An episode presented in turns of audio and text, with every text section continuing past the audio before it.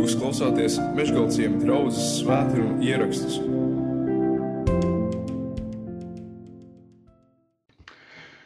Labdien! Mūsu sprediķis šodien baznīcā tehnisku iemeslu dēļ neierakstījās, tāpēc tagad jau vakar pusē mēģināšu vēlreiz īsiem vārdiem pārstāstīt uh, tās manas pārdomas, ko šodien uh, celu priekšā Mežgalciem draudzē. Un uh, tas teksts tika ņemts no 5. mūzes grāmatas, pirmās nodaļas, 11. panta, otrās puses. Un tur ir rakstīts tā, un to saka Mūzus. Viņš tas ir Dievs, lai jūs svētī, kā viņš jums to solījis. Šos vārdus Mūzus saka pie apsolītās zemes robežām, un tur viņš ar tautu uh, Izraēla tautu atrodas jau otro reizi 40 eh, gadu laikā. Eh, pirmajā reizē viņi stāvēja šīs apsolītās zemes priekšā un tajā neiegāja. Eh, un šajā brīdī viņi atkal atrodas tajā pašā vietā un ir tādās kā krustcelēs, kas nu tagad būs, un viņiem ir jāpieņem lēmums. Un Mozus atgādina vēsturi ko šī tauta ir piedzīvojusi. Un pirmkārt, viņš saka, ka Dievs viņiem šo zemi ir apsolījis. Tur iepriekš eh, šīs pirmās nodaļas, 7. un 8. pantā rakstīts, Tādēļ griezieties un dodieties ceļā un ejiet uz amoriešu kalniem un pie visiem viņu kaimiņiem līdzenumā, kalnos un lejās dienvidu zemē un jūras malā uz Kanāna zemi un uz Libanonu līdz lielajai upei, līdz Eifratas upei Redzies, esmu nodevis šo zemi jūsu rokās. Ejiet un iegūstiet sev par īpašumu šo zemi, ko tas kungs ir apsolījis ar zvērestu dot jūsu tēviem, Ābrahamam, Īzakam un Jākabam, viņiem un viņu pēcnācējiem pēc viņiem. Būtībā, kad mēs paskatāmies uz šeit uzskaitīto geogrāfiju, tad mēs varam ieraudzīt, ka tas ir daudz vairāk nekā Izraels jebkāda spēja ieņemt pat vislielākajā Izraēla tautas uzplaukuma laikmetā, Salamana laikmetā, tā zeme bija daudz mazāka nekā šeit minētā. Ja? Tātad Dievs, Dievam ir labas domas par tautu, Dievs grib dot, Dievs grib svētīt. Un, bet ir otra lieta, ko Mozus arī atgādina tautai. Viņš saka, ka jūs bijāt tie, kas dumpojās, kas neticēja, kas nepaklausīja, un jūsu dēļ bija šie 40 gadi jāpavada tuksnesī jūsu toreizējās neticības dēļ. Bet tagad ir šī otrā iespēja. Un vispār visa šī piektā mūzes grāmata ir grāmata par izvēlēm. Ja tu paklausīsi, būs svētība, ja tu baidīsies, tad būs lāsts. Bieži vien šie abi vārdi, svētība un lāsts, ir tā kā sakapē, tā kā sajūgti kopā. Bet šodien tā mūsu tēma bija par svētību. Mēs svinējām valsts svētkus tikko, un mūsu himnā mēs lūdzam svētību Latvijai. Un kāds no pazīstamiem Latvijas komponistiem pirms jau kaut kādiem gadiem bija rakstījis kādās savās pārdomās par to, ka mūsu valsts himnai ir nepareizs kods, ka mūsu valsts himnai trūkst aktivitātes. Un tad es domāju, vai tā ir? Vai tas, ka mēs lūdzam pēc svētības, tas ir kaut kāda, tā, tā ir kaut kāda apātiska sēdēšana un gaidīšana, vai svētības ceļš neko nemaksā. Un ja mēs tā domājam, tad svētība patiešām ir lēta. Bet par ko mēs domājam, kad mēs dziedam himnu? Ko mēs domājam, kad mēs sakam vārdu svētība? Kā mēs iztēlojamies to, ka Dievs svētības, svētīs Latviju? Vai tā būs tikai tā materiālā labklājība? Protams, mēs gribam, lai, lai Latvijā varētu laimēt iet, kā mēs dziedam savus himnas tajā otrajā pusē, bet svētība nav tikai ekonomisks jēdziens, kaut arī tā to ietver.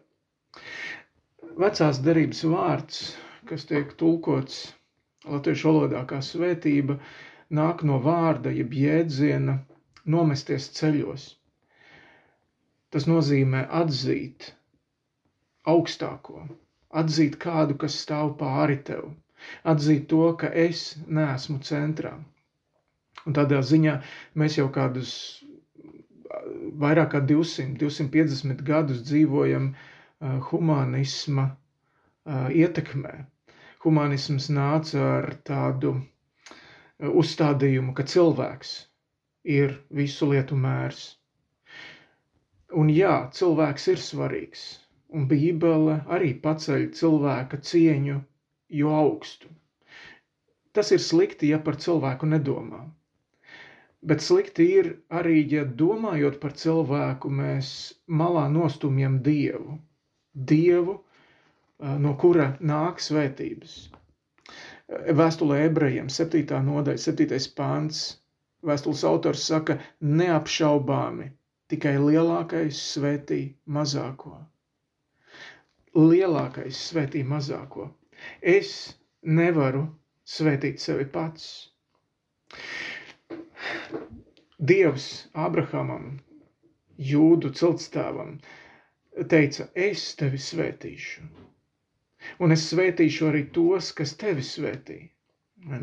Tātad Dievs ir dāsns, Dievs grib svētīt. Svētīšana ir Dieva raksturā.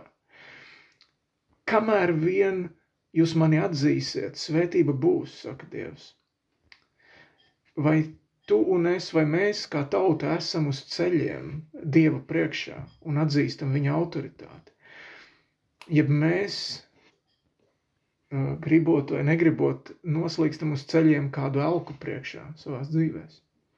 Un tā jau ir viena no tādām vēlna taktikām. Atcerieties Jēzus kārdināšanu tuksnesī kad Vēlns Jēzu paņem un uzceļ augstā kalnā un rāda pasaules valstis un varu un godību. Viņš saka, to visu es tev došu. Pie kāda nosacījuma, ja tu nometīsies ceļos manā priekšā. Būt svētītam vai svētīgam, tas nozīmē respektēt Dievu, Dieva autoritāti.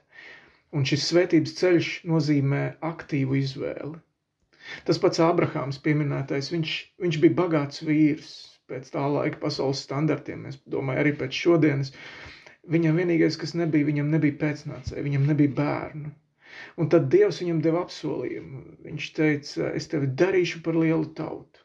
Nezinu, kādā veidā Abrahāms, kurš bija jau krietnos gados, viņš, viņš noticēja šim Dieva apsolījumam un, un, un paklausīja un izgāja no tās zemes un gāja uz zemi, ko Dievs viņam apsolīja, lai saņemtu šo apsolījumu piepildījumu. Un viņš pat paklausīja tik tālu, ka viņš bija gatavs to savu uh, zēnu, kuru Dievs viņam iedeva kā to apsolīto dēlu, pat bija gatavs pat upurēt, ja Dievs to būtu prasījis.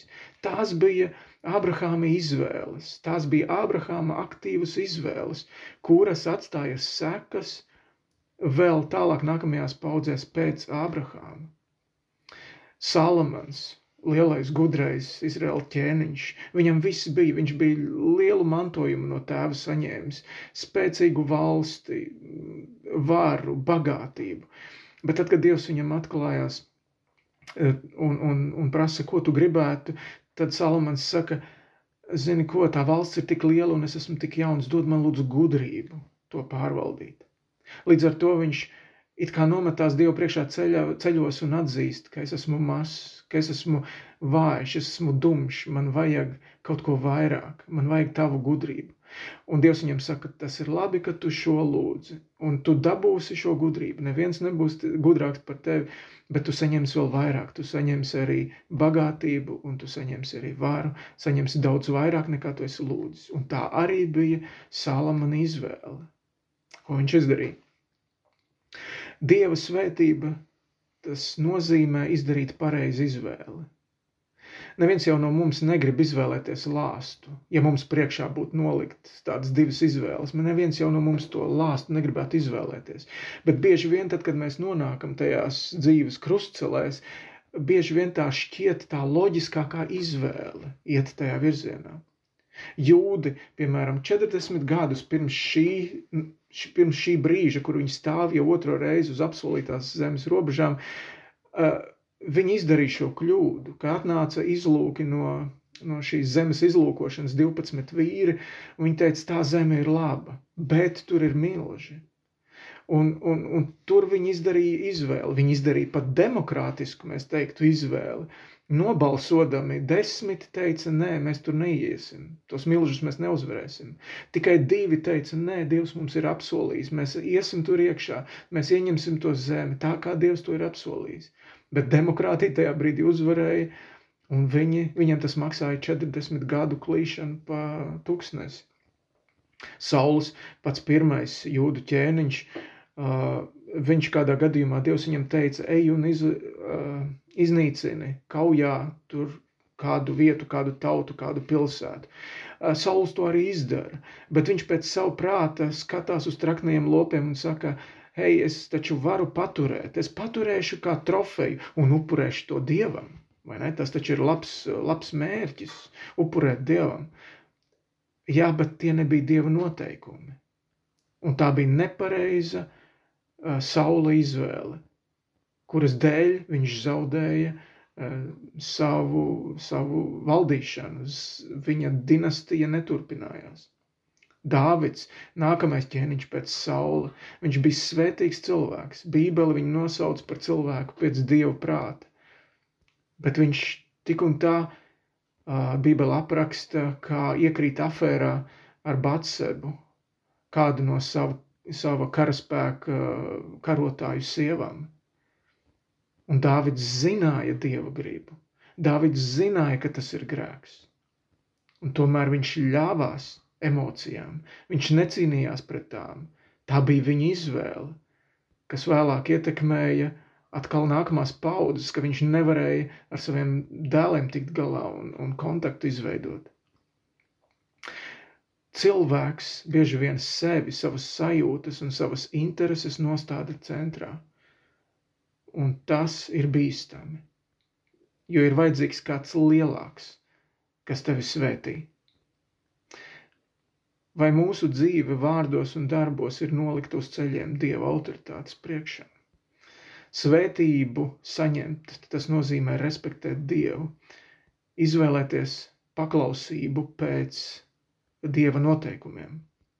Un tādā ziņā es domāju, ka mūsu valsts himna ir dinamiska, jo mēs dziedot vēlam Latvijai to labāko.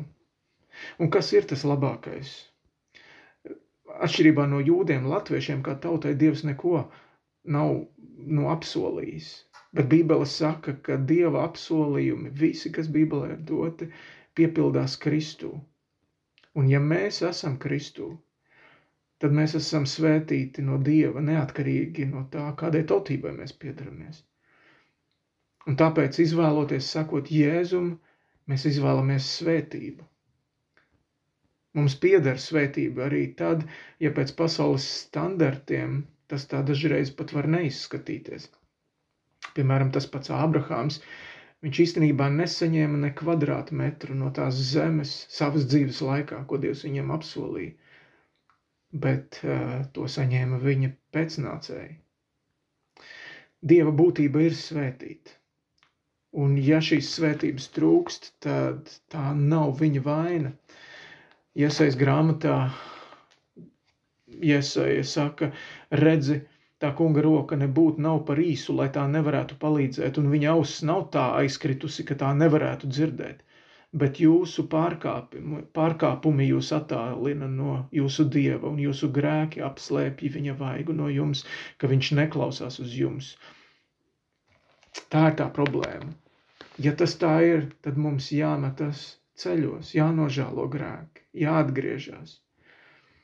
Tāpēc mēs, kā kristieši, himnā varam dziedāt, Dievs dod Latvijai Jēzu, Dievs dod Latvijai glābšanu, Dievs dod dod Latvijai grēku piedošanu. Jo viņā, šajā glābējā, šajā Jēzū ir visi apsolījumi un visas svētības. Kā Dievs svētīs Latviju, to atstāsim viņa ziņā. Viņš var darīt arī caur brīnumiem, kā, kā jau agrāk vēsturē mēs vienu un otru reizi varam redzēt. Bet visbiežāk un visikdienišķāk viņš svētīs caur mums pašiem, caur mums, kristiešiem. Mēs esam kristieši. Mēs esam Kristus miesa. Mēs esam Kristus pārstāvi šajā zemē. Mēs esam tie, kas Jēzu varam ienest Latvijas sabiedrībā.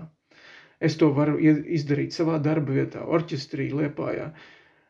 Kāds cits var to izdarīt skolā, cits var izdarīt atkal citā darba vietā, kurā es netieku klāt